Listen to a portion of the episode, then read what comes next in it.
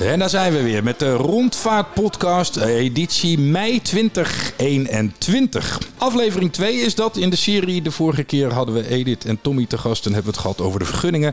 Vandaag hebben we waarschijnlijk een iets vrolijkere aflevering, want we gaan het hebben over het vak rondvaartschipper. En daarvoor heb ik vandaag twee gasten.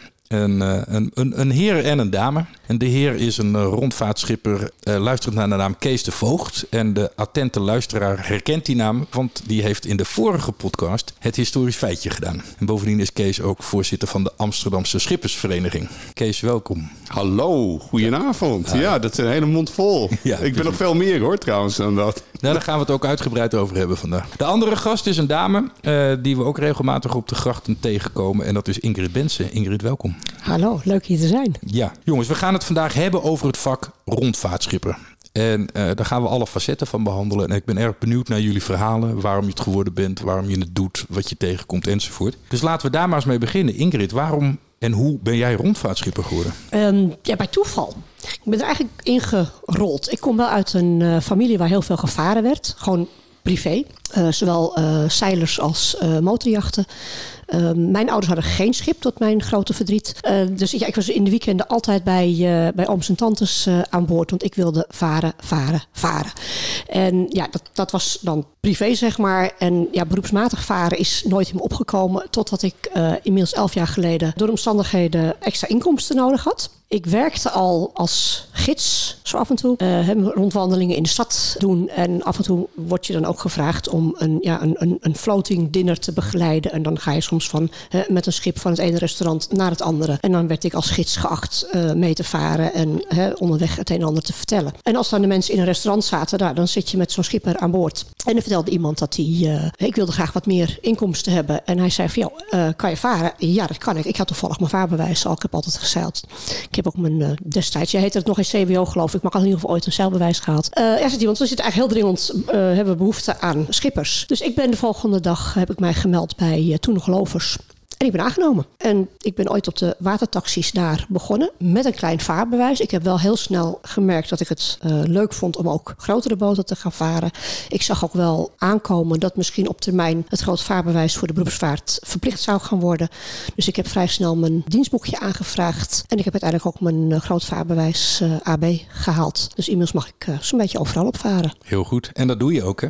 Dat doe ik ook. Ja, ik ja. vaar van heel klein tot heel groot. Hele kleine gezelschappen, hele grote gezelschappen voor, nou ik wil niet zeggen alle rederijen, maar wel heel veel rederijen. Ja, ja want je bent als ZZP'er beschikbaar, dus dat betekent inderdaad dat alle rederijen die een extra schipper nodig hebben jou kunnen bellen. Klopt. Welke, wat, wat doe je het meest? Op welke boten vaar je het meest? Ik vaar toch het meest op salonboten. Dat is eigenlijk wel het, het, het, grootste deel van mijn werk. En goed, ik, wat ik vooral doe is de hospitality, dus de, ja, de, de feesten, de partijen, de, de, de groepsvaarten. Ik vaar af en toe ook wel op rondvaartboten, maar toch hoofdzakelijk de, de hospitality schepen. En dat zijn dan met name salonboten in, in allerlei afmetingen. En ook wat, ja, wat, wat, wat, wat voormalige trekschuiten bijvoorbeeld. En nou, ik, ik heb al zoiets van. Als het drijft en iets van voortstuwing heeft, dan, uh, dan vaar ik erop. Nou, en juist die afwisseling maakt het heel leuk. Maar uh, voortstuwing niet roeien, neem ik aan dan, hè? Ik roei ook. oh, dat doe je ook? Ja. Sterker nog, ik ben een van de medeoprichters van de, van de roeivereniging in uh, Oudekerk, ja. Oh, echt? Oh, wat leuk. ja, ja, ja. Dus als de nood aan de man is, dan krijg jij de boot ook roeiend nog thuis. Dus noods, ja. ja. Ja, nou ben ik wel van het, het, het de gladde boten en het, uh, en het sloeproeien, want dat uh, beide. Als Leuk. het te groot wordt, dan, ik ben redelijk sterk, maar het houdt wel ergens op natuurlijk. Ja, hè? precies. Ben ik met je eens. We gaan straks uitgebreid door op de boten waarop je vaart. Uh, maar ik wil eerst van Kees weten. Kees, hoe ben jij in de rondvaart terechtgekomen? Tja, dat is een, uh, een goede vraag. Het is een, een, soort combinatie indien de hemel is gemaakt. Uh, in mijn hele jonge jaren studeerde ik kunstgeschiedenis en ben afgestudeerd als architectuurhistoricus. Met een specialisatie op Amsterdam. Nou, in die tijd was geen droog brood te verdienen. Nog steeds niet trouwens voor kunsthistorici en architectuurhistorici. Dus ik ben heel wat anders gaan doen. Ik ben marketing gaan doen, ben voor multinationals gaan werken. En ik was in tegelijkertijd, was ik was en ben ik een gepassioneerd zeiler. Ik ben een zeezeiler. Uh, en uh, ik ben naar veel omzwervingen kwam ik terug uit het buitenland. Toen uh, mijn zoon, die uh, werkte op een scheepswerf. En die kwam thuis de pa uh, als stagiair. We zijn nou een rare boot aan het bouwen. Ik zeg, wat dan? Ja, we zijn een boot aan het maken van gerecycled plastic. Ik denk van, huh? is dat nou? Ja, ja het is van Plastic Whale. Dus ik ga Plastic Whale een beetje volgen. En nou, Plastic Whale had inmiddels drie sloepen. En die waren op zoek naar schippers. Nou, ik had natuurlijk mijn vaarbewijzen. Een aardige babbel over Amsterdam. dus ik denk, nou, ga, ik, ga ik daar, maar ga, ga ze maar helpen. Dus ik ben voor Plastic Whale gaan varen. Nou, bij Plastic Whale, the rest is history. Ze hebben nu vorige week de dertiende sloep te water gelaten. Ja. Er drijven er drie in, in Rotterdam. er is er ook nog eentje in Delfzijl. Dus het is heel erg succesvol. En ja, ik, ik voer daar eigenlijk heel vaak. ik had best een, ja, best een interessant verhaal te vertellen over Amsterdam. Ik dacht, van, misschien leuk om nog wat, wat anders te gaan doen. En toen ben ik uh, langzaam in de uh, sloepenrondvaart terechtgekomen. En dat vond ik eigenlijk heel erg leuk, omdat je met uh, hele wisselende groepen mensen een echt verhaal over Amsterdam kan, Amsterdam kan vertellen. dus je gaat een beetje mythbusting doen als het verhaal over de Schrijerstoren, wat ik vorige week al had aangehaald. Er zijn natuurlijk honderden van dat soort verhalen. Ja. En dat, dat is eigenlijk heel leuk. Dus ik ben voor verschillende sloepenrederijen, onder andere voor, ja, zag ik al die kleine bootjes van Stromma varen. En toen dacht ik bij mezelf, ja, maar dat vind ik eigenlijk nog veel leuker. Want dan heb je een klein gezelschap. Uh, en je zit niet met de volgepropte sloep. En je krijgt ook meestal niet hele bakken vol met dronken, kotsende Engelsen aan boord. Dus ik dacht mezelf, ik ga, uh, ik ga, ik ga hopperschipper worden. Dus nou, toen moest ik uh, tot mijn grote verbazing daar een, een gidsexamen doen. Waarin ze mij allemaal dingen gingen vragen die ik eigenlijk normaal gesproken mensen vertelde. Maar goed, ja. en ja, zo, zo is het eigenlijk allemaal gekomen. En, maar onder, ondertussen ben ik, ben ik ook zeiler. Dus ik word, ik word ook vaak als charterschipper ingehuurd. Dus ik heb een paar klanten in de Middellandse Zee. En die uh, mensen die huren dan een 50 voet zeiljacht. En die moeten dan uh, die willen graag een schipper hebben die, die met ze gaat varen, waar ze groot vertrouwen in hebben. En dat is heel leuk, want dan vaar ik dus als schipper op een schip dat ik niet ken, met mensen die ik niet ken, in een gebied dat ik niet ken. En in een gebied waar ik ook de taal niet van spreek.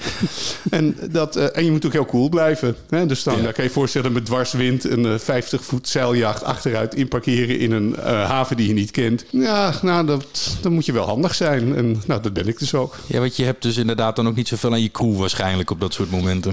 Je moet ervan uitgaan dat uh, de mensen die je aan boord hebt er geen bal van kunnen. Nee. En je mag het ook niet van ze verwachten. Nee. Meestal pik je er wel eentje uit die je kan uitleggen hoe die een ankerlier moet bedienen. Want het is over, over het algemeen wel handig als je dat een beetje uh, onder controle hebt. Maar over het algemeen moet je het eigenlijk allemaal alleen doen. Dus ik vaar ook, uh, kan ik iedereen aanraden, ga solo varen. Want als ja. het fout gaat, is er maar eentje die je kan uitschelden. En dat ben je zelf. Ja, dat is altijd goed. Ja. Is het dan in dat opzicht anders dan varen in Amsterdam? Dat doe je ook in je eentje. Ja, het is, uh, er zitten andere, andere risico's aan. En als je, uh, kijk, als je op een sloep vaart, is dat, uh, is dat allemaal relatief makkelijk te doen. boom is ho, zou ik altijd maar zeggen. En je, je, komt, je komt altijd ergens wel uit. als je op een 12 meter of een 15 meter zeiljacht aan het varen bent, dan weet je dus dat je niet tegelijk op de voorkant van het schip en op de achterkant kan zijn. Zelfs ik kan dat niet. Nee.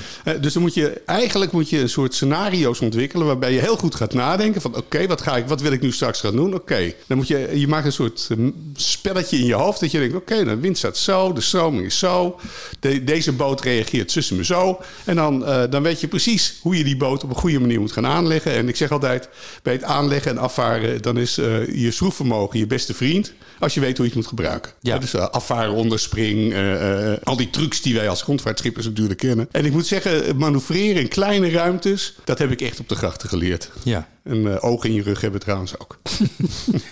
Want waarom heb je ogen in je rug nodig? Uh, ja, omdat je af en toe wel eens... Uh, uh, ja, ik zie dat heel vaak op de, op de grachten. We, wij, kijk, wij, wij, wij schippers zijn dan best eens een beetje boos op mensen. maar ik denk altijd bij mezelf... Ja, die meneer die daar vaart met die 150 pk buitenboordmotor... in die semi-inflatable rig... die kan niet eens langzamer dan 6 km per uur. En die weet eigenlijk helemaal niet... dat dat bordje met die weten balk erin niet betekent... u komt nu Oostenrijk binnenvaren... maar dat betekent dat je er niet in mag varen. Ja. Nou, en ik, en ik probeer altijd heel aardig te blijven. Maar soms ja, moet je mensen... Ja, er komt er opeens iemand achter, uh, achter je opvaren. Soms collega-rondvaartschippers die dan heel erg tijd varen. Dus die hebben haast. En als je dat allemaal met een beetje, een beetje met elkaar regelt, komt het allemaal goed. Wat stoort jou het meeste in dat contact met anderen op het water? Is dat gebrek aan kennis van de regels? Of is dat... Mm, nee, wat me, wat, me, wat, me vooral, uh, ja, wat me vooral stoort is het, soms het uh, soort gebrek van collegia, aan collegialiteit. Er zijn een paar punten in de grachten waar je gewoon weet als je op een groot schip vaart dat je echt moet oppassen. Omdat er gewoon, ja, als er komt een bootje onder de munt vandaan. Ja, en dan moet je natuurlijk niet uh, over het rokin aankomen denderen met 6, 7 kilometer per uur. Nee. Nou, en en dat, dat zie je dan af en toe wel, dat, dat er wat dat betreft te, soms te weinig begrip, te weinig respect voor elkaar is. Weet je, van, nou ja, ik weet soms die collega die vaart op tijd. Eh, ik niet. Nou, dan laat ik hem toch voor en dan geef een beetje, maken we een beetje ruimte. Maar soms merk je wel eens dat, eh, dat dat begrip er niet bij iedereen is. En dan heb je het over rondvaartcollega's onderling. Dat, dat ook, is jouw... maar ook, ook sloepen. Ook, Ook sloepen collega's. En Gewoon, je ziet een, een heel aantal, eh, vooral eh, jonge schippers op sloepen. Die hebben we dan weliswaar een vaarbewijs. eh, maar die hebben dat, dat fijne gevoel er nog niet voor. En die begrijpen dat nog niet helemaal. En ik heb wel gemerkt dat varen, vooral op sloepen... eh, je bent zo ongelooflijk aan het multitasken. Eh, je hebt natuurlijk sloepen waar, eh, waar een hostess op zit... eh, die, eh, die dat doet. Maar je hebt natuurlijk ook rederijen. Dan ben je als schipper. Je bent schipper, hostess en barman. En eh, je bent eigenlijk alles tegelijk. Een politieagent ook. En ja, dat multitasken, ja, dat moet je echt leren. Dat is echt niet makkelijk. Daar heb je een soort respect met elkaar voor nodig. Maar dan heb je het dus nog steeds wel over de beroepsschippers onder elkaar, zou ik maar zeggen. Dus de mensen in de rondvaart, in de rondvaartboten en de open boten. Eh, Dat is voor jou het grootste hangijzer, niet de pleziervaart. Nee, de meeste mensen op de pleziervaart, die, die hebben geen idee wat ze eigenlijk aan het doen zijn. Dus die moet je gewoon een beetje ruimte geven. En, eh, en soms, ja, dan zeg je wat tegen ze. En dan geef, nou, zijn, meestal zijn ze heel erg aardig. En er zijn natuurlijk best vervelende mensen bij. Nou ja, dat doe ik ook vervelend terug. Dus daar is jouw instelling, als je er maar vanuit gaat dat ze niets kunnen, valt daar aan alles mee. Daar komt het eigenlijk een beetje op neer. Nou ja, kijk, eh, je, je komt elkaar soms wel eens tegen. En je, Ja. je weet op het water veel gewicht. eh, daarmee krijg je veel schade. En over het algemeen kan je wel stellen dat de mensen die eh, in de pleziervaart op bootjes varen. niet over de boten beschikken met het grootste gewicht. Dus die, eh, die Ja. gaat dan wel een, op, opzij. En ik, ik- nee, ik vind het eigenlijk altijd. Je probeert altijd een beetje gemoedelijk te, gemoedelijk te regelen. En dat is best belangrijk. En soms hoor je dan wel eens op de marifoon eh, dat er schippers zijn die eh, de marifoonhygiëne niet helemaal in acht nemen. Zodat je complete slagerijen hoort langskomen, doodsbedreigingen, hoofden die in bepaalde lichaamsopeningen gestopt moeten worden, waar de zon niet meer schijnt en zo. En dan denk ik bij mezelf: heren, heren, heren, het is een openbaar Dames. kanaal hier. Het zijn wel vaak heren, dat ben ik wel met Kees eens. Ja, dat, Dus het is een beetje samen, het, samen op het water. En ik heb als voorzitter van de Amsterdamse Schippersvereniging... eh, zat ik een eh, maand of twee in, in een overleg geleden... eh, in een zo'n Zoom-overleg met allemaal mensen van de handhaving en zo. En ik zeg van, ja, kijk, we delen allemaal het water met elkaar. En, eh, eh, en als wij als rondvaartschipper, of als, we varen natuurlijk vaak op het water... je ziet dan iemand, ja, die heeft het gewoon niet begrepen. Want die vaart eh, op de Prinsengracht de foute kant op. En dan kan je natuurlijk wel heel erg gaan vloeken en tieren. Maar je kan dan iemand een beetje helpen. Van, hé, Ja. hey, gasten, het, het is die kant op, hoor. ja, precies. Je moet de andere kant op. Dus je moet Ja. een beetje met elkaar proberen het voor elkaar te regelen. Maar je hebt natuurlijk ook wel notoire overtreders. En zie je dat iemand die vaart gewoon met 12 km per uur... met de flikker hekgolf over de, eh, over, eh, over de Prinsgracht. Ja, dan, dan weet ik al eh, wie er gaat klagen. En dat zijn niet de rondvaartschippers meestal. Nee, dat klopt. Ja. Hoe werkt dat bij jou, Ingrid? Wat, Ja, wat vind eigenlijk jij? hetzelfde verhaal. Ja. eh, hè, met, met de schippers onderling, de beroeps. Je regelt het met de marifoon. Je weet als beroeps, zeker als je al een poosje rondvaart... je weet precies als je een bepaalde scheepsnaam hoort... wat voor schip het is, wat de problemen van dat schip zijn... waar hij, waar hij wel of niet makkelijk manoeuvreert. En je houdt rekening met elkaar. En net als Kees, ik, ik vaar vooral die hospitality. Ik heb geen haast. Ik zit doorgaans niet aan een tijdschema vast. Dus ja, ik ben altijd wat makkelijk van... joh, kom maar even door en zal ik even voor je langs... want dan heb jij de ruimte. Dus beroepsonderling eh, regelen we dat doorgaans eh, wel. Er zitten, maar goed, dat heb je natuurlijk onder alle eh, groepen, een paar knurften tussen. ik zal me even heel voorzichtig uitdrukken. En met de, ja, met de pleziervaart. Ja, wat mij altijd verbaast is dat zelfs mensen die niet kunnen varen... en hè, waarvan je dus weet dat ze de vaarregels in zijn algemeenheid niet begrijpen... iedereen fiets, is toch wel eens op de fiets of met de, de auto in het verkeer. Het zij in Amsterdam, het zij in de plek, op de plek waar ze vandaan komen. In de basis zijn de regels op het water niet heel anders dan die op de weg. Dus wat ik nooit begrijp is als je op een hele drukke kruising, eh, zoals hè, Prinsenleidse bent, zeker op een mooie drukke dag waar het echt aan wemelt van de bootjes. Als zo'n situatie op de weg zou zijn, dan gaan mensen even inhouden, eerst even kijken en pas oversteken als het kan. Wat doen ze op het water? Oh, en. Eh, Snelheid erop, eroverheen rossen. En ondertussen komt er over van alles vandaan. En wordt het één grote bende, omdat ze gewoon veel te hard varen. Ik begrijp daar helemaal niks van. Nee, dat is mij ook wel eens opgevallen. dat mensen op het water altijd alles willen oplossen met gas geven. Ja, ja. eerst het gas erop. Want we zijn, dan zijn we er snel voorbij. Ja. Maar ja, dat is doorgaans niet... Hè, we zeggen ook wel eens gang is alles. Dat in bepaalde omstandigheden kan, hè, kan een beetje vaartje je ook redden. Maar ja, het is niet verstandig om met een hoop hoge snelheid... Een, een drukke kruising op te gaan. Zeker als je niet de plekken bekend bent... en geen idee hebt wat daar eh, allemaal verder eh, rondvaart. En dat is vaak waar het als het misgaat, wat er misgaat. Ja. Wel, Ik heb in die elf jaar dat ik op professioneel op de grachten vaar... Nou, ik heb eigenlijk nooit echt een schade gehad. Ik heb het wel een paar keer zien gebeuren. Eh, wel vaak genoeg net aan kunnen ontwijken. Maar het is in alle gevallen met pleziervaart geweest. Ja, oké. Beroepsonderling heb ik nog nooit problemen gehad. Nee. Als het misgaat of dreigt mis te gaan, dan is er een pleziervaartuig bij betrokken. Wat, ja, wat ja, de handigheid niet heeft, het inzicht niet heeft. Uh, ja, da daar gaat het dan mis. En dat is soms heel grappig, want hè, doorgaans gaan we langzaam en is de schade ook niet of nauwelijks eh, aanwezig. En dan is het schampen en dan is er niks aan de hand. Maar soms worden mensen ook nog eens een keer heel erg boos. Terwijl ik dan denk, ja, luister, ik zit op een schip van 30 ton. Dat leg ik niet zomaar even stil. Nee, dus dan, dan ontbreekt het de andere vaarweggebruikers aan, aan, aan, aan, aan inzicht, over hoe je zo'n situatie het beste zou kunnen oplossen. Ja. ja, en dan zijn de Amsterdamse grachten zijn natuurlijk wel een goed soort Champs-Élysées, zou ik maar zeggen. Dus als je net je rijbewijs gehaald hebt tussen tandarprogie, dan is de Amsterdamse grachten misschien niet de handigste plek ook om eh, zonder kennis en zonder inzicht eh, te gaan varen. Ah, ik vind wel dat iedereen, hè, ook Amsterdammers voor mij buitenland, maakt me niet uit, maar dat iedereen privé ook moet kunnen varen. Ja. Water is gewoon hè, openbare weg, vaarweg in dit geval.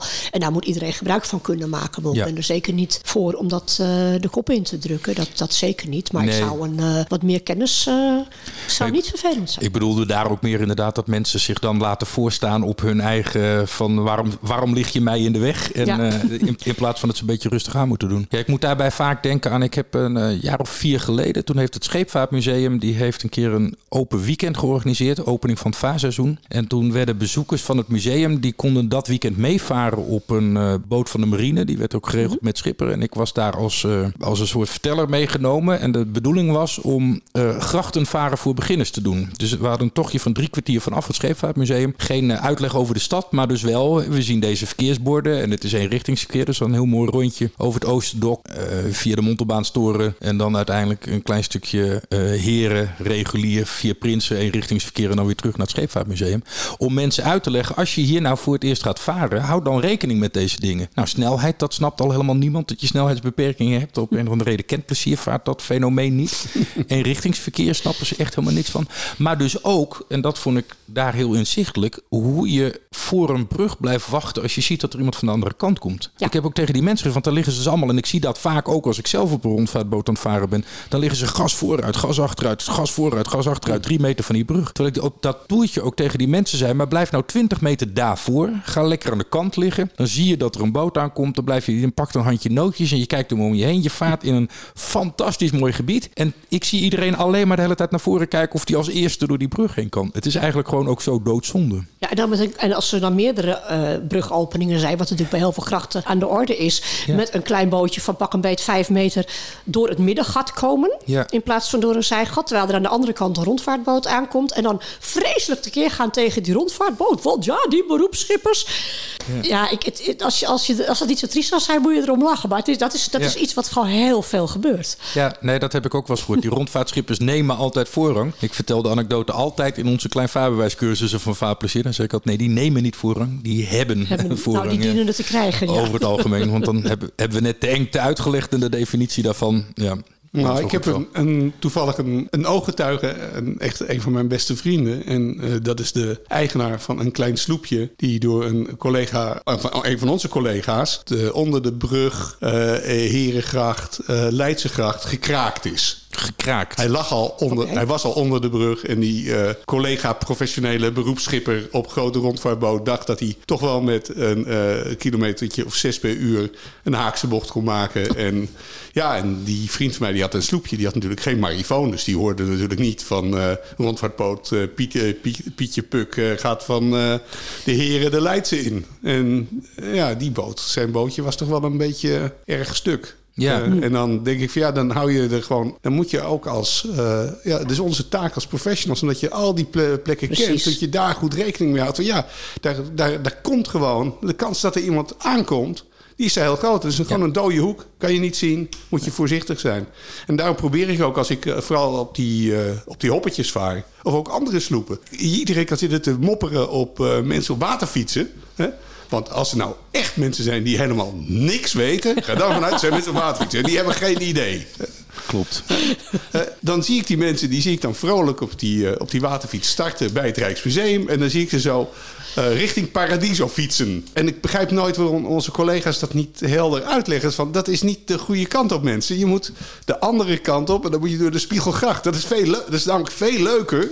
Ja, voor ons als, als schippers is het natuurlijk enig om te zien hoe die waterfietsen dan bij Paradiso zo langzamerhand bij Blueboot in de buurt komen.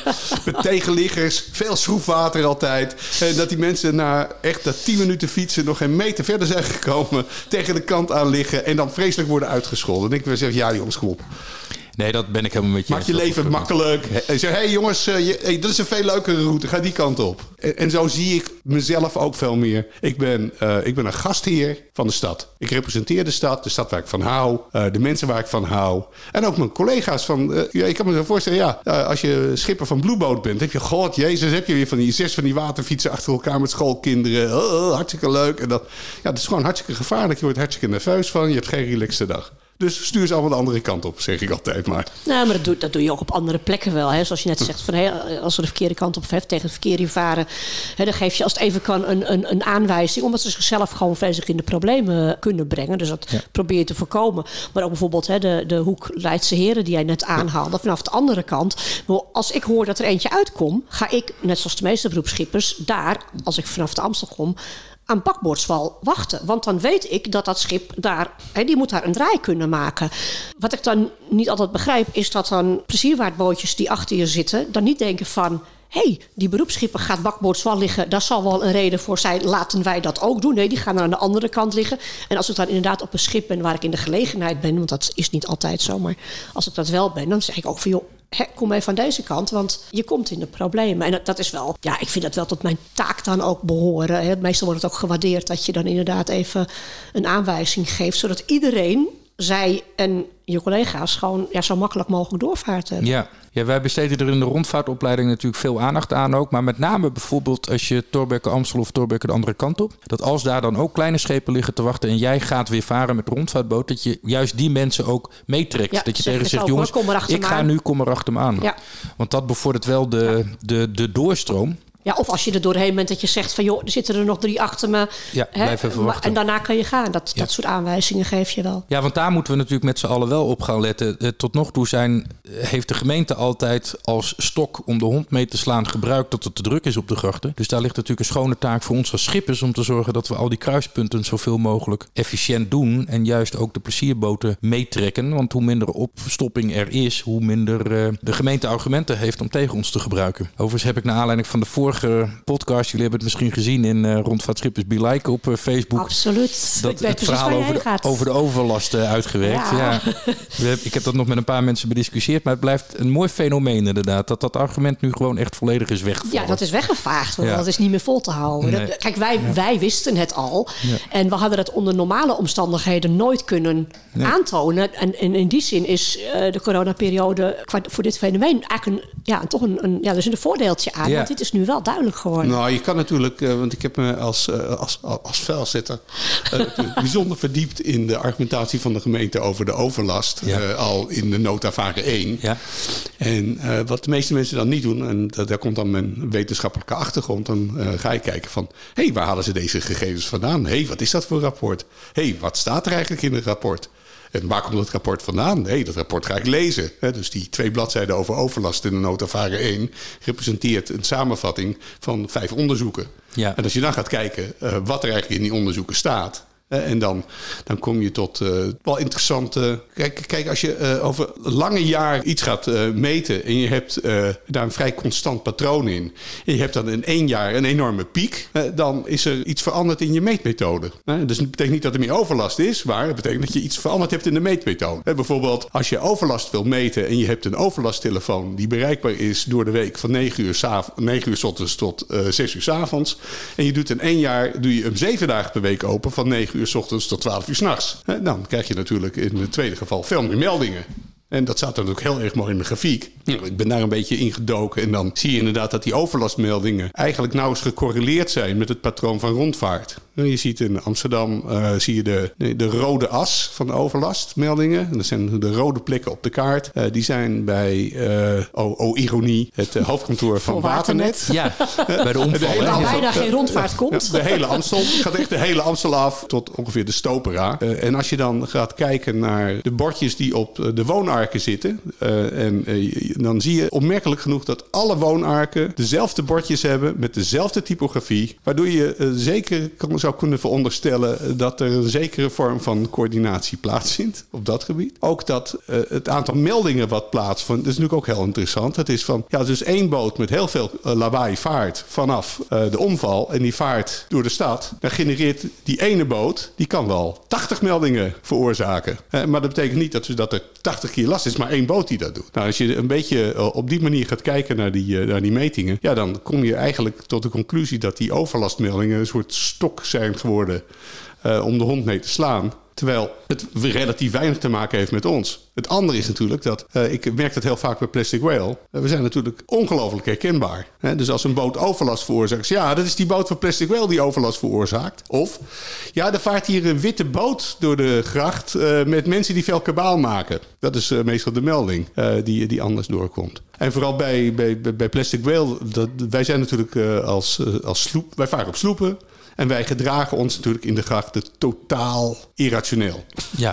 Er is geen schipper die een touw kan vastknopen aan wat wij er eigenlijk aan het doen zijn. Want wij stoppen, we draaien om, we varen bakboordwal, stuurboordwal, we liggen stil opeens. Uh, we hebben geen marifoon. Uh, en we, le we, we, leiden onze schippers ook heel erg goed, goed op om, om eh, door het gedrag van de boot aan rondvaartschippers ook duidelijk te maken. Je gaat nooit proberen voor een rondvaartboot langs te varen. Je blijft altijd keurig aan de wal liggen. En je geeft heel duidelijk aan dat je aan bakboordwal aan het varen bent. En gelukkig gelukkig weten de meeste collega's nu ook wel dat we wat goeds aan het doen zijn. Want wij zorgen ervoor dat er steeds minder plastic in de schroeven terechtkomt. Nou, dat is een groot voordeel voor de grote boten. Maar bovendien heeft Plastic Wheel inderdaad ontzettend veel sympathie onder de rondvaartschippers. Dat weet ik om me heen.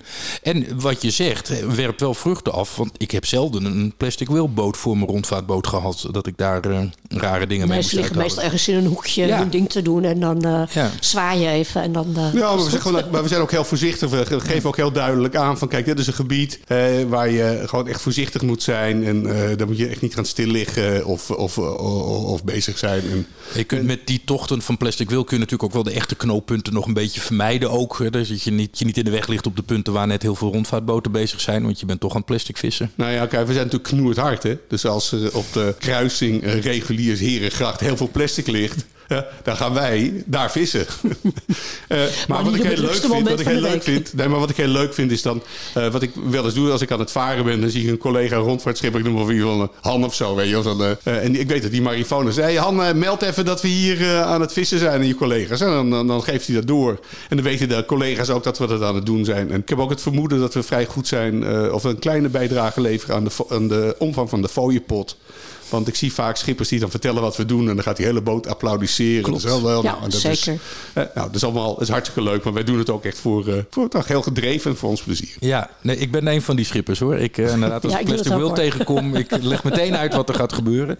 Net als als Waternet aan het, aan het fietsen uit de gracht aan het halen is. Ik stop elk verhaal dat aan het afspelen is. attractie, maar wel altijd prijs. Ja. Precies. Ik stop elk verhaal wat aan het afspelen is. Want ik ga meteen uitleggen wat daar gebeurt. En dat werkt zeker. Daar ben ik helemaal met je eens. Ja. Hoe zou de samenwerking op de grachten te verhogen zijn? Hoe kunnen we nog meer zorgen dat de drukte op de drukke punten. Nou ja, eerst was allemaal lid worden van de Amsterdamse Schippersvereniging. Hoe helpt dat? Uh, dat helpt het onderlinge begrip heel erg. Ik, uh, ik, heb, uh, ik ben een van de initiatiefnemers. En ik, ik, dacht bij mezelf, het is eigenlijk wel heel raar. Hè? Want ik, ik, ken al die, ik ken al die schippers. Want ik kom ze altijd tegen. Ja, ik zie ze op me afkomen. Of ik vaag ze samen. Dan weet ik niet, meestal niet wie het is. dus toen we onze de eerste vergadering hadden. Toen zag ik op... en we varen allemaal voor andere rederijen. Uh, en ik merkte gewoon dat het begrip voor de schippers onderling heel, uh, heel erg groeide. En dat mensen elkaar zeggen, ja, maar ken je al jaren. Ik heb je nooit gesproken. Uh, en je drinkt samen een borrel. En, en dan krijg je een heel erg hoge mate aan solidariteit. En het gaat er eigenlijk alleen maar om dat, je, dat iedereen... Ja, iedereen is natuurlijk relaxed als we een borrel gaan drinken met elkaar. Dan zitten we niet gestrest op die boten. Nee, maar dan... Ja, het is een beetje... Je had natuurlijk ieder jaar had je na het Amsterdam Light Festival... Ja. Had, je, had je die borrel en ja, daar, daar, ontstond, ja, daar ontstond dat nou, idee Dat is sinds een paar jaar, maar dat heeft absoluut bijgedragen aan het onderling... ja, het contact. Omdat je inderdaad ineens de, de, de mens achter het gezicht hebt. Want normaal, in die zin is schipper een eenzaam beroep. Want je zit in je eentje op die boot. Je ziet je collega's wel hè, voorbij varen. En soms weet je een naam, maar heel vaak niet. En, en wat voor persoon het is, dat weet je dan ook niet. En juist op die, op die, op die borrels of, hè, de vergaderingen en dat soort momenten. Ja, dan, dan raak je met elkaar in contact. En dat helpt absoluut met, ja, met het verbeteren van de verstandhoudingen en begrip onderling. Heb jij alles meegemaakt in de praktijk dat je een situatie tegenkwam waarvan je dacht, nou, als ik deze man niet gekend had, dan had dit wel eens uh, vrouw. ja, nou ja, toen ik begon was ik een van de zeer weinige vrouwen. Inmiddels zijn er uh, gelukkig heel wat, uh, wat meer. Ik ben geen, uh, geen uitzondering meer. Was daar niet ook nog een club van, van vrouwen op de Amsterdamse grachten? Of heb ik dit verkeerd? Nee, Nee, oh. ik ben wel uh, lid van een club die uh, varende vrouwen tot, uh, tot zijn doelgroep heeft. Maar dat is niet per definitie beroeps. Ik ben een van de ah. weinige beroeps die daarbij zit. het gros van die vrouwen, dat zijn gewoon vrouwen die ja, net als ik gewoon van varen houden. Die vaak een eigen jacht hebben. Het, het zij een zeiljacht, het zij een motorjacht. En een enkeling die beroepsmatig vaart. Dat is soms binnenvaart. Is vaak binnenvaart. Ik ben een van de weinige, zover ik weet zelfs de enige rondvaartschipper die daar lid is. Nee, dat is niet waar, want er zijn, er zijn er nog een paar lid. En er zijn ook wel dames bij die bijvoorbeeld als brug- of sluiswachter ergens werken. En die dus op die manier uh, daarmee te maken hebben. En ja dat, is, ja, dat zijn gewoon vrouwen die van, van, van, van varen houden.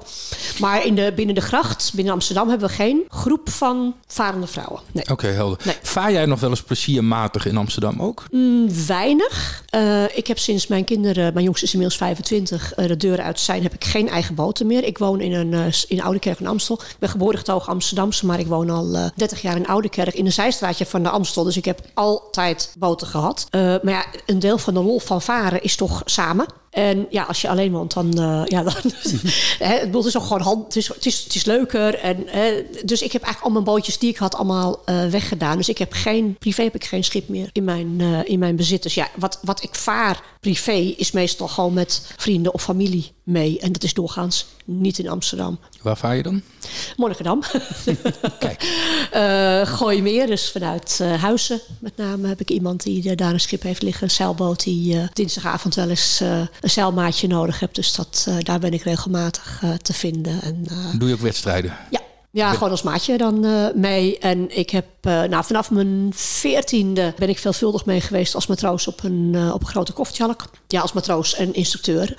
En dat deed ik toen eigenlijk elke vakantie. Dat, ja, dat was mijn lust in mijn leven. En dat is inmiddels af en toe nog eens een keertje een, een, een weekje of zo. Dat, dat doe ik af en toe nog wel eens. Maar, Leuk. Ja, maar dat is eigenlijk wat ik dan. Dat is dan deels ook beroepsmatig, hè, want ik ben op dat moment wel in dienst als uh, matroos, deksmaat, uh, instructeur uh, en honderdduizend andere taken. Maar goed, dat doe, ik ook, dat doe ik voor mijn lol, dus dat zie ik wel als privévaren. Ja, maar geen eigen schip meer. Nee, oké. Kees, jij zelf ook, hè? Ja, ja, ja, ja, ja. Ik heb een uh, 37 voet zeiljacht, een uh, kidsgetuigd schip. Ik vaar iedere woensdagavond vaar ik, uh, de woensdagavondwedstrijd, gisteravond nog varen. En ik heb een hele open huisstrategie. ik nodig mensen graag uit om te leren zeilen. Dus bijvoorbeeld gisteravond had ik, we varen, om wegens COVID varen we nu dual-handed wedstrijden. Dus dan moet je het schip met z'n tweeën doen. sinds vorig jaar vaart een nieuw lid van de vereniging, Miranda. Die is uh, lid geworden van de vereniging zonder dat ze een schip heeft. Uh, en nou, die is bij mij opstapper. Nou, en die, uh, die zet ik aan het roer. En die, die vaart de start. En die, die, vaart, nou, die, en die leert daardoor ongelooflijk veel boothandeling. En ik vind het hartstikke leuk om te doen. Om mensen gewoon wat te leren. Maar verder vaar ik best heel regelmatig privé ook door Amsterdam. Ik, zeg maar, ik heb de beschikking over een, een, aantal sloepen waar ik zonder al te veel moeite mee kan gaan varen. En dat vind ik hartstikke leuk. Dan neem ik vaak neem ik, uh, vrienden of kennis uit het buitenland mee. Nou, natuurlijk door COVID eh, is het nu allemaal een beetje minder. En uh, ja, dan gaan we nou, vaak ook nog een beetje plastic vissen. En dat, uh, dat is echt, nou, met een, voor de, natuurlijk voor de gasten een glaasje wijn en ik 0-0 biertje. Ja. ja. en dan, nee, dat, dat, ik vind het hartstikke leuk. Want het blijft natuurlijk een bruisende stad. Er blijft een geweldig geweldige stad. En ik denk over dat beteugelen van de drukte in de stad. Is maar één manier om dat, eh, dat te doen. Is dan uh, moeten we ja, misschien de hele binnenstad bombarderen of zo. En dan net zo mooi maken als de binnenstad van Shanghai of zo. Uh, ja, dan is het onattractief om naartoe te gaan. Dat blijft een van de mooiste steden ter wereld. Ik heb echt heel veel gereisd over de wereld. Er is niets als Amsterdam. En, uh, dat ga je juist als schipper inzien. Ik ben er geboren en getogen. Ik ben op de Westelijke Eilanden geboren. Ik heb altijd in de stad gewoond en gewerkt. Uh, nou, inmiddels woon ik er niet meer, maar ik kom er natuurlijk wel nog dagelijks, bijna dagelijks. Maar ik ben eigenlijk me pas gaan realiseren hoe mooi en bijzonder Amsterdam is. Toen ik dat aan anderen, het zij lopend, het zij fietsend, het zij varend, ging laten zien. Want als je ergens opgroeit, ja, dan is het er. Je, je neemt, het voor, je, je, neemt het aan voor wat het is. En, en hoe, hoe bijzonder het is, realiseer je pas als je in de rest van de wereld bent gaan kijken. Wat is de magie van Amsterdam? Ja, ik zeg vaak tegen eh, mijn gasten: ja, Amsterdam is een soort, toch een soort dorp. En dat wordt niet zelden Um, vaak heel snel bevestigd doordat iemand vanaf een brug roept: Hey Ingrid! Wat dan mijn gasten weer heel grappig vinden: van oh, uh, ik, ik, kom vaak mensen onderweg tegen. Ik ken gewoon heel veel mensen en ik word herkend. En ja, dan wordt er wat geroepen. En dat, dat, dat is ook heel, uh, ja, dat vind ik vaak heel grappig. Maar het is, ja, weet je, wij, doen wel alsof we een wereldstad zijn. Maar ja, we hebben nog geen miljoen inwoners. Als je dat tegen een Chinees zegt, dan lacht hij je vierkant uit. Want in China is een, is een, is een, eh, een plaats met minder dan een miljoen inwoners gewoon een dorpje. En dat, dat is ook Amsterdam. Het, het, is, het is een, aan de ene kant een wereldstad, maar wel op een soort microniveau. Met een, met een historie en met panden en een, echt een schat aan, aan, aan musea en verhalen. Ja, die, die, die gewoon bijna nergens anders, in ieder geval niet op zo'n klein oppervlakte, terugvindt. Is er een andere stad in de wereld waar jij dit werk zou kunnen doen? Nee. Ik persoonlijk niet. Ik ben geboren getogen Amsterdamse. En dit is mijn stad, dit is waar mijn ziel ligt. En dat, nee, ik zou, geloof niet dat ik het ergens anders zou kunnen doen. Dat zit nee. diep. Niet, niet de manier waarop ik het nu doe. als, ik, als ik nu gasten aan boord heb. En soms ben ik gewoon een hele vaart stil, omdat er of een andere gids mee is, of mensen na een drukke dag gewoon even uh, lekker voor ze uit willen staren, of hè, met elkaar in gesprek willen. Dus dan heb ik helemaal geen of nauwelijks een gesprek met mijn gasten. Een andere keer vertel ik wel heel veel en dan probeer ik dat aan te passen aan wat de vraag is. Hè. Ik vraag altijd een beetje van waar liggen je interesses. Dat probeer je ook een beetje aan te voelen. Ik heb niet een standaard verhaaltje wat ik, uh, wat ik afdraai. Ik probeer het echt wel aan te passen aan, uh, aan mijn gasten. Ja, en dan ook omdat ik het al een tijd doe en omdat ik hier vandaan kom, heb ik een behoorlijke schat aan kennis waar ik uit kan, kan, kan putten. En dat is iets wat ik nergens anders ter wereld zou hebben. Dan zou ik moeten terugvallen op een standaard verhaaltje. Nou, dat, is, dat, dat, dat wil ik ook helemaal niet. Ik zet ook als ik op een rondvaartboot vaar, zet ik met grote regelmaat het audiosysteem uit. Dat zeg ik ook tegen mensen van tevoren. Ik zeg het, ik vraag, ik inventariseer bij het binnenkomen al of iedereen in ieder geval een beetje Engels spreekt, want dat is soms een probleem. En ik, ik zet regelmatig zet ik het audiosysteem eventjes uh, uit om zelf iets te vertellen in het Engels. Omdat ik juist dat standaardverhaaltje, daar af en toe daar zit ik echt met kromme tenen in mijn schoenen. Dat kan ik niet uit. Ik vind het echt soms verschrikkelijk.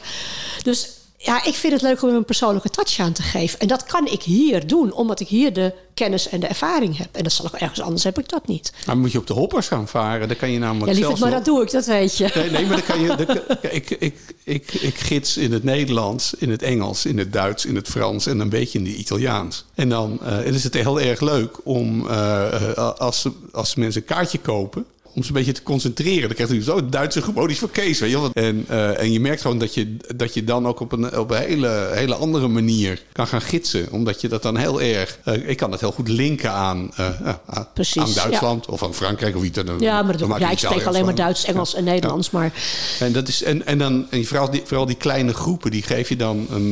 ja, je geeft ze echt iets mee. Ja, een persoonlijke... Zeggen, nou, ze, komen, ze komen thuis. Nee, maar, oh, maar dat, dat, had ik nooit verwacht of nooit... Ge, en, en kijk, het het, het unieke aan Amsterdam, je kan het een beetje vergelijken met andere steden. Alsof de infrastructuur van de stad is bevroren aan het einde van de 17e, begin 18e eeuw. En dat is eigenlijk onze stad. En natuurlijk in die tijd, tussentijd, is er nog wel uh, wat nieuwbouw gepleegd en panden gerenoveerd en dat soort dingen. Maar die, de, de infrastructuur van de stad is eigenlijk net zo als 300 jaar geleden. En de enige stad waar je dat eigenlijk heel goed mee kan vergelijken is bijvoorbeeld Venetië. Venetië heeft die ook. Maar je ziet dat heel veel andere grote metropolen in, eh, in Europa, van middeleeuws Parijs. Ja, op Ile de la Cité vind je misschien een stukje middeleeuws Parijs, maar that's it. Middeleeuws Londen? Kan niet vinden. dus je ziet die steden die, eh, die nog zo'n element hebben. Praag heeft dat uh, in een oud stuk.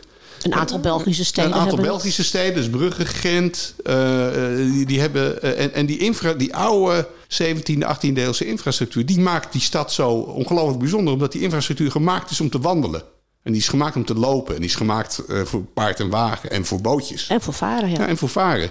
En je ziet dus in al die andere steden zijn de mensen alleen maar bezig om op te letten om niet overreden te worden of over twaalfbaans. eh ik, heb een, ik, heb, ik heb twee jaar in China gewoond. Dus ja, dat is gewoon, eh daar wordt gewoon dwars door infrastructuur worden gewoon snelwegen aangelegd. En ik denk dat dat die stad zo ongelooflijk uniek maakt op de wereld. En je merkt ook iedere keer als mensen. Eh eh merk zijn een paar dagen in de stad, die lopen nog steeds met een open mond.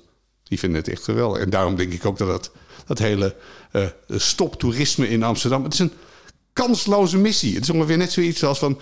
nou ja, ik ben vrij hetero... en er loopt gewoon een hele mooie blondine die goed gebouwd is... en dan zeg je, nou moet je niet naar kijken hoor... Niet kijken, niet kijken. Ja, natuurlijk. van, eh, en dat is natuurlijk eh, dat is onze stad. We moeten er trots op zijn. En we moeten proberen om eh, met de bezoekers een, een goede.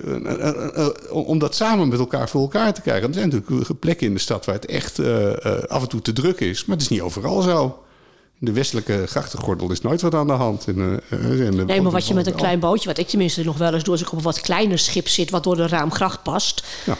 Bijvoorbeeld, hè, dan, je komt dan uit op, eh, hè, op de Kloveniers, waar het soms dood en doodstil is. En als je dan vertelt dat je aan de andere kant van het huisblok, dat daar zich hè, een van de drukste plekken van de stad bevindt, hè, de Wallen, Ja.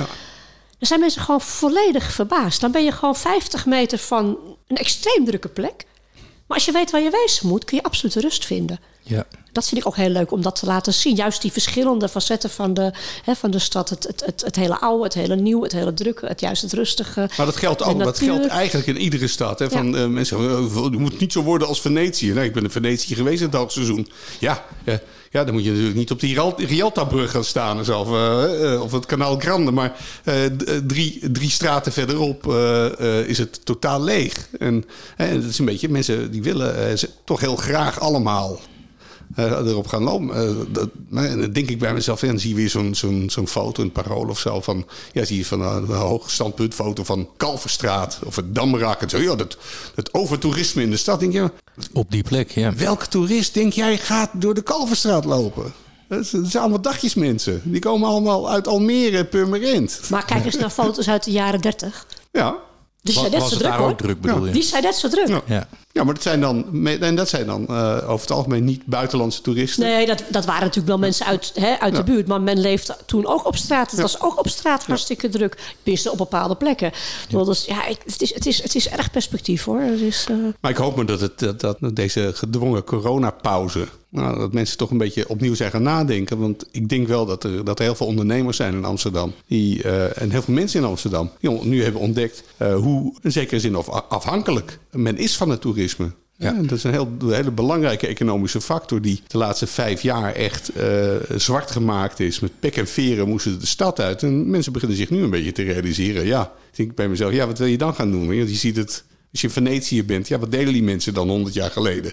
Nou, dat, die, eh, waren, dat waren nette boetes, visinleggers, eh, eh, ja, botenbouwers, zeilmakers, mastenmakers, blokkenmakers, touwslagers. Nou, dus toeristen de stad uit. Nou, dan word jij nu.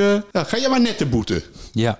of zeilen maken. Dat is een, de economie verandert. Nee, de impact is wel groot. Hè? De gemeente Amsterdam heeft natuurlijk nu ook bekendgemaakt dat vergunningen voor nieuwe bouwprojecten niet meer worden aangenomen. Want er is geen geld voor, eh, voor de ambtenaren die dat moeten beoordelen. En dan is Ja. een van de grote problemen is nu inderdaad dat alle toeristeninkomsten misgelopen worden. En dat schijnt echt gigantisch veel te zijn voor de gemeente. Ja. Ja. En dat heeft in alle lagen, in alle, in alle branches heeft dat zijn effect. Niet alleen direct in de toeristenbranche, maar er is natuurlijk een hele hoop industrie en, en Toeleveranciers. Ja. toeleveranciers en zo die daar indirect mee te maken hebben. Ja. Wat hebben jullie eigenlijk gedaan in de COVID-periode? ik ben ziek geweest. ja, ik ben eh, op het moment dat, het in, eh, dat in China de corona werd ontdekt, heb ik een eh, diagnose kanker gekregen. Dus ik ben vorig jaar vooral heel erg bezig geweest met mijn, met mijn behandelingen. En aan de ene kant was dat, ehm, ja, hè, de aanleiding is natuurlijk heel triest. Ik was in het begin ook, ja, weet je, mijn wereld stond stil.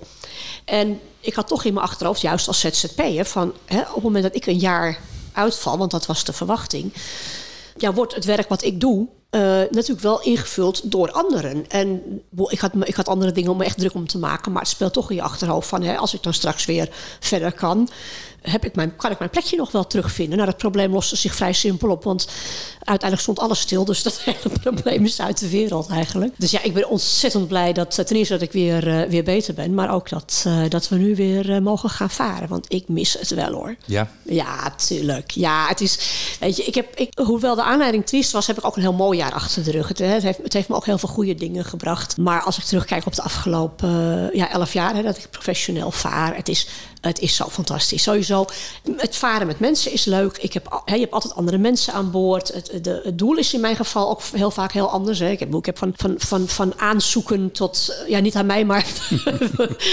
was het maar waar. nee, dat is flauw. nee, maar van, van inderdaad bruiloften, partijen, uh, verjaardagen van, van, van oma. Uh, Amsterdammers die, die hun gasten de, de, stad willen laten zien. Maar ook gewoon ja, bedrijfsuitjes, transfers. Weet je, ik maak van alles mee. Ik heb echt allerlei soorten groepen op allerlei schepen. Die afwisseling is geweldig. Maar je strafte mij ook niet mee om mensen ergens heel ver weg op te halen of uh, weg te brengen. En dan zit ik vervolgens in mijn eentje of soms met een hè, wat, wat personeel, wat hostess of zo uh, aan boord. Dat ik nog een uur terug moet varen. Nou, ik vind het niet erg hoor. Ik vind het heerlijk. En ik mis het heel erg. Ja, ik ben erg blij dat we weer mogen. Nou, dat vind ik een mooi standpunt. Kees, wat, wat, wat vind jij het mooiste om te varen op de grachten? Mm, nou ja, goed, ik kan heel kort zeggen, als er maar plastic ligt. maar dat is een beetje flauw natuurlijk. Nee, wat ik het, wat ik het, wat ik het leukste vind is om uh, zeg maar, vanuit de oude binnenstad mensen bewust te maken van, van de gebouwde omgeving in Amsterdam. Hè, en bijvoorbeeld uh, te laten zien verschillende hoogte van de kades. Heel veel mensen realiseren zich dat helemaal niet. Maar dat is, dus dan vaar je door de, door de uh, Gelderse kade.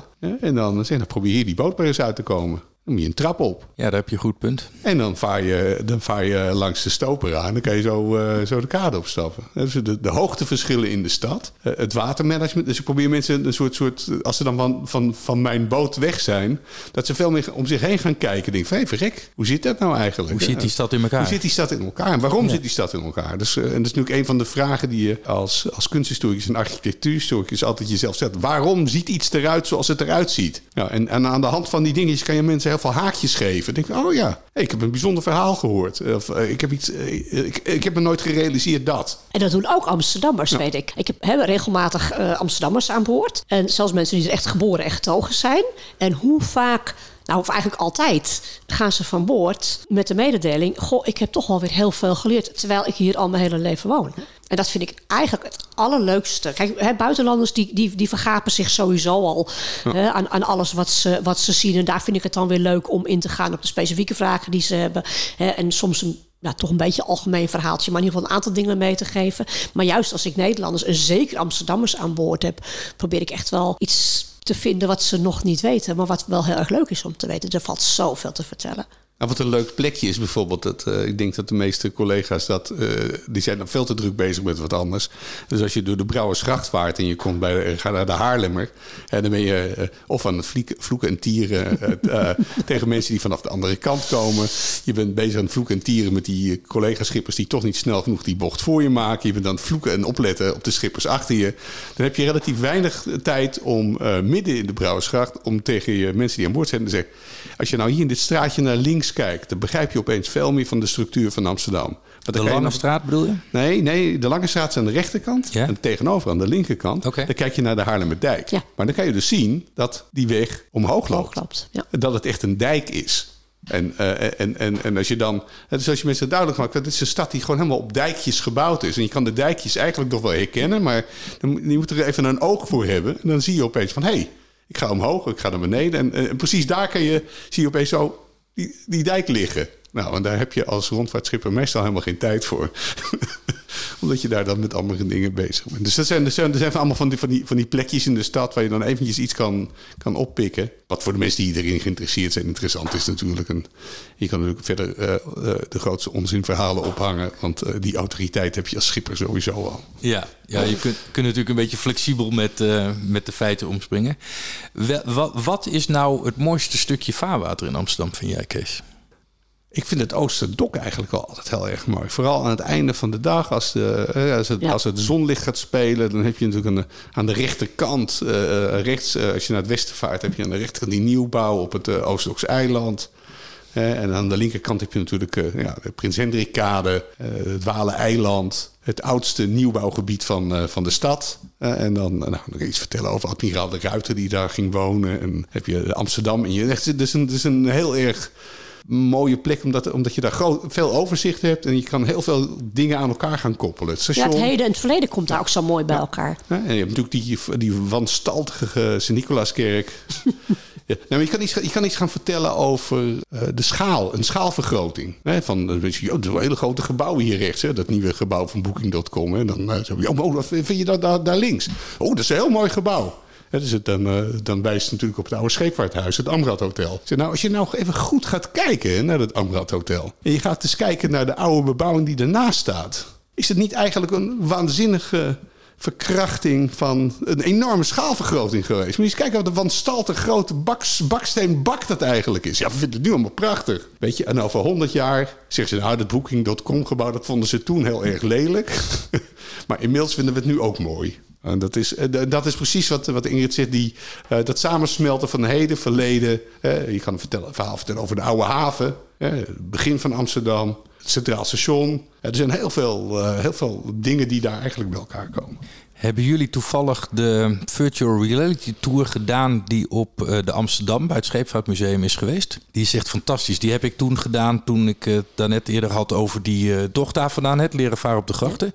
Dat deed je voor in de Amsterdam. Dan kreeg je een virtual reality bril op. En dan begon je in de top van de mast van, uh, van de Amsterdam. Ja. En dan vloog je door dat gebied heen zoals het was in de 17e eeuw. En dan eindigde je bij de Montebaanstoren waar er een, een, een schip werd ingeladen. Oké. Fantastisch. Ja, was echt, goede tip. Ja, was echt heel mooi gedaan. Volgens mij hebben ze hem nu niet meer. Maar het is misschien nog wel eens een keer te vragen of dat nog terug te halen is. Of misschien op de een of andere Want ze hebben dat materiaal dus wel. Ik heb het nu ook over een jaar of drie, vier geleden. Maar dat was onvoorstelbaar mooi om te zien hoe het er toen uitzag. In die periode. En dan vloog je dan echt als soort Superman met je cape. Uh, nou, Meo dan, hè, waarschijnlijk. Nou ja, precies. maar ja, dat zijn natuurlijk... Dat kijk, dat zijn wel dingen die, die, die ik als, als rondvaartschipper... alle collega's ook... Uh, zo, ik kan me ook zo voorstellen als je gewoon fulltime uh, schipper bent. Je gidst fulltime dat je op een bepaald moment een beetje moe wordt van je eigen verhaal. Ik van, oh, ja. en, en, dat je, je moet, je moet vers materiaal hebben. En, ja, maar daarom wisselen je ook. Tenminste, dat doe ja. ik wel. Als ik op een hoppertje vaar, hè, dan vaar je vijf rondjes. Ik vertaal geen één keer hetzelfde verhaal. Het, ik vind het voor mijn gasten leuker. Hè? Ik Mhm. blijf er blij bij. Maar ik, ik, ik zou er ook heel erg saai van, simpel van worden... als ik iedere keer hetzelfde verhaal moet vertellen. Nou, ik bedoel, wat je, wat je, wat, je, je kan je natuurlijk jezelf een beetje je, je eigen verhaal verrijken. Van kom, ga eens naar het Scheepvaartmuseum. Hè, daar barst het van de interessante schilderijen, zeegezichten, zicht Amsterdam. Hey, hoe ziet het er eigenlijk uit? Ga eens naar het Amsterdam Museum, hè, waar ook een gedegen, waar je een gedegen ondergrond. Ga eens een keer naar het uh, Stadsarchief. Er zijn allemaal van die, van die plekken waar je, waar je eigen kennis over de stad en het verhaal dat je vertelt kan verrijken. Ga, dat je zelfs zegt, hey, waarom zien de dingen eruit zoals ze eruit zien? Want dat, dat interesseert mensen, dat triggert mensen. En want uiteindelijk, als je mensen ins, inspireert en stimuleert, is dat altijd goed voor je fooiepot. en volgens mij komen we daarbij aan bij de kern van het rondvaartvak, of niet? Nee, het gaat alleen maar om plezier. Nou, nee hoor. nou ja, er zijn dagen. nou, soms is het wel heel... Nee, het is, het is, het is, het is, er zit een enorme mate aan voldoening aan. En, en, uh, Mooi. Jongens, we gaan richting afronding, want we hebben inmiddels uh, een mooie tijd, ja, een mooie tijd volgepraat. Ja, ik kan er wel een boek schrijven. Ja, dan komen we volgende week weer terug. We hebben jullie niet, uh, niet per ongeluk uitgenodigd voor deze podcast, omdat we zeker wisten dat het dan geen probleem zou zijn om een uur te vullen. Ik wil nog even naar de Amsterdamse Schippersvereniging met je, Kees, ja. want die is uh, een paar jaar geleden begonnen. Hoeveel leden zijn er nu ongeveer? We hebben nu ongeveer 70 leden. Ja. Um, ja, we begonnen eigenlijk dit pre-COVID. Uh, we hebben bedacht, we gaan gewoon echt op, op, op low level. Uh, het kost 25 euro per jaar. Maar omdat we het afgelopen jaar helemaal geen activiteit hebben ontplooid... en wij geen uh, hoge bankregoten uh, hebben we die 25 euro's nu een soort start, startkapitaal geworden. Uh, en uh, als we weer gaan opstarten, nou, dan uh, kunnen de, de mensen gewoon in ieder geval weer lid worden. we hebben gedacht, we doen, doen een geldje per jaar, gaan even kijken hoe het uitkomt. En als het nodig is, dan, dan verhogen we bijvoorbeeld de contributie of we gaan een eigen bijdrage leveren voor een evenement. de evenementen die we tot nu toe hebben georganiseerd, we hadden bijvoorbeeld de stadsarcheoloog, wiens achternaam zo complex is dat ik hem niet kan uitspreken, maar die heeft een heel erg mooi boek geschreven over het aanplempen van de stad. Daar is hij op gepromoveerd. Kan ik iedereen aanraden om uh, naar Scheltema gaan dat te kopen. Dat vertelt bijvoorbeeld hoe breed het damrak eigenlijk was. Schippers, let op. Als je over het damrak vaart, realiseer je dat het oorspronkelijke damrak liep van de Warmoestraat tot de Nieuwe Dijk. Dat was allemaal water. En de rest, wat je nu ziet, is allemaal aangeplemd. En dat is aangeplemd met vuilnis. En waar zijn archeologen gek op? Op vuilnis. dus die archeoloog vertelde eh, het een hele interessante avonden. Die vertelde wat ze allemaal waar hadden gevonden. Hoe ze dat allemaal konden reconstrueren. Uh, Zo'n avond is echt... Uh, nou, dan, dan, dan ga je naar huis met een echt een eye-opener. Denk van verrek, dat, heb ik nog nooit gerealiseerd. Dat heb ik nooit gezien. wat we ook hebben gedaan, we hadden een, een avond met een jurist. Joris. En, ja, Joris. En ja. dan ging het over uh, de zin en onzin van... Uh, uh, moet je nou als ZZP'er een, een aansprakelijkheidsverzekering hebben als schipper? Hoe zit het eigenlijk met recht op, op, het, wa water, recht op het water? En als je een probleem hebt op dat gebied... nou, bel Joris, want uh, die, uh, die kan je dan echt helpen. Nou, zo proberen we iedere keer een, een gezelligheidselement, maar ook een inhoudelijk element uh, te vinden. Het Scheepvaartmuseum. Het Scheepvaartmuseum waren we, hadden we een lid Jack. Uh, Jack die was vroeger uh, was die gids in het Scheepvaartmuseum. We zijn in het Scheepvaartmuseum, heeft hij een, rondleiding gegeven... omdat we wilden eigenlijk op de Clipper Amsterdam... maar die werd toen snel wegens COVID gesloten. Nou, we proberen iedere keer weer zo'n zo'n e e e evenement erin te brengen. En iedere keer merk ik weer hoe ongelooflijk gezellig en leuk het is... dat die schippers van verschillende rederijen... die elkaar op het water misschien ogenschijnlijk wel naar het leven staan. Zo'n pokken, sloepen, schipper. En ik op mijn grote 22 meter oude bak met diesel. Uh, die moet maar een beetje weg. Nee, maar dan zie je op een van... Hey, een soort oh, oh, ben jij het? Nou, en, en, nou, dat is eigenlijk waar het uh, daarvan gaat. En dat is ook de doelstelling die we, die we hebben. Hoe worden mensen lid? Hoe kunnen ze zich aanmelden? Oh, ze moeten zich gewoon via jou aanmelden en dan... Uh, Prima. Een e-mail naar podcast.vaarplezier.nl en dan zorg ik dat het bij Kees terechtkomt. Hartstikke goed. Ja. Jongens, ik wil jullie onvoorstelbaar bedanken. Um, Ingrid en Kees, het was een genoeg om met jullie te praten over het prachtige vak van rondvaartschippen. En uh, wij gaan elkaar in van binnenkort weer regelmatig op de grachten tegenkomen. Absoluut. En ik wil alle luisteraars oproepen om heel specifiek, als je Ingrid of Kees tegenkomt, gewoon even de hand opsteken en dan weten zij dat je naar deze podcast geluisterd hebt. Oh, maar dat doen ze wel hoor. Ja, precies. Heel goed. Jongens, dankjewel en ik wens jullie een uh, fijne avond. Wees gelijk.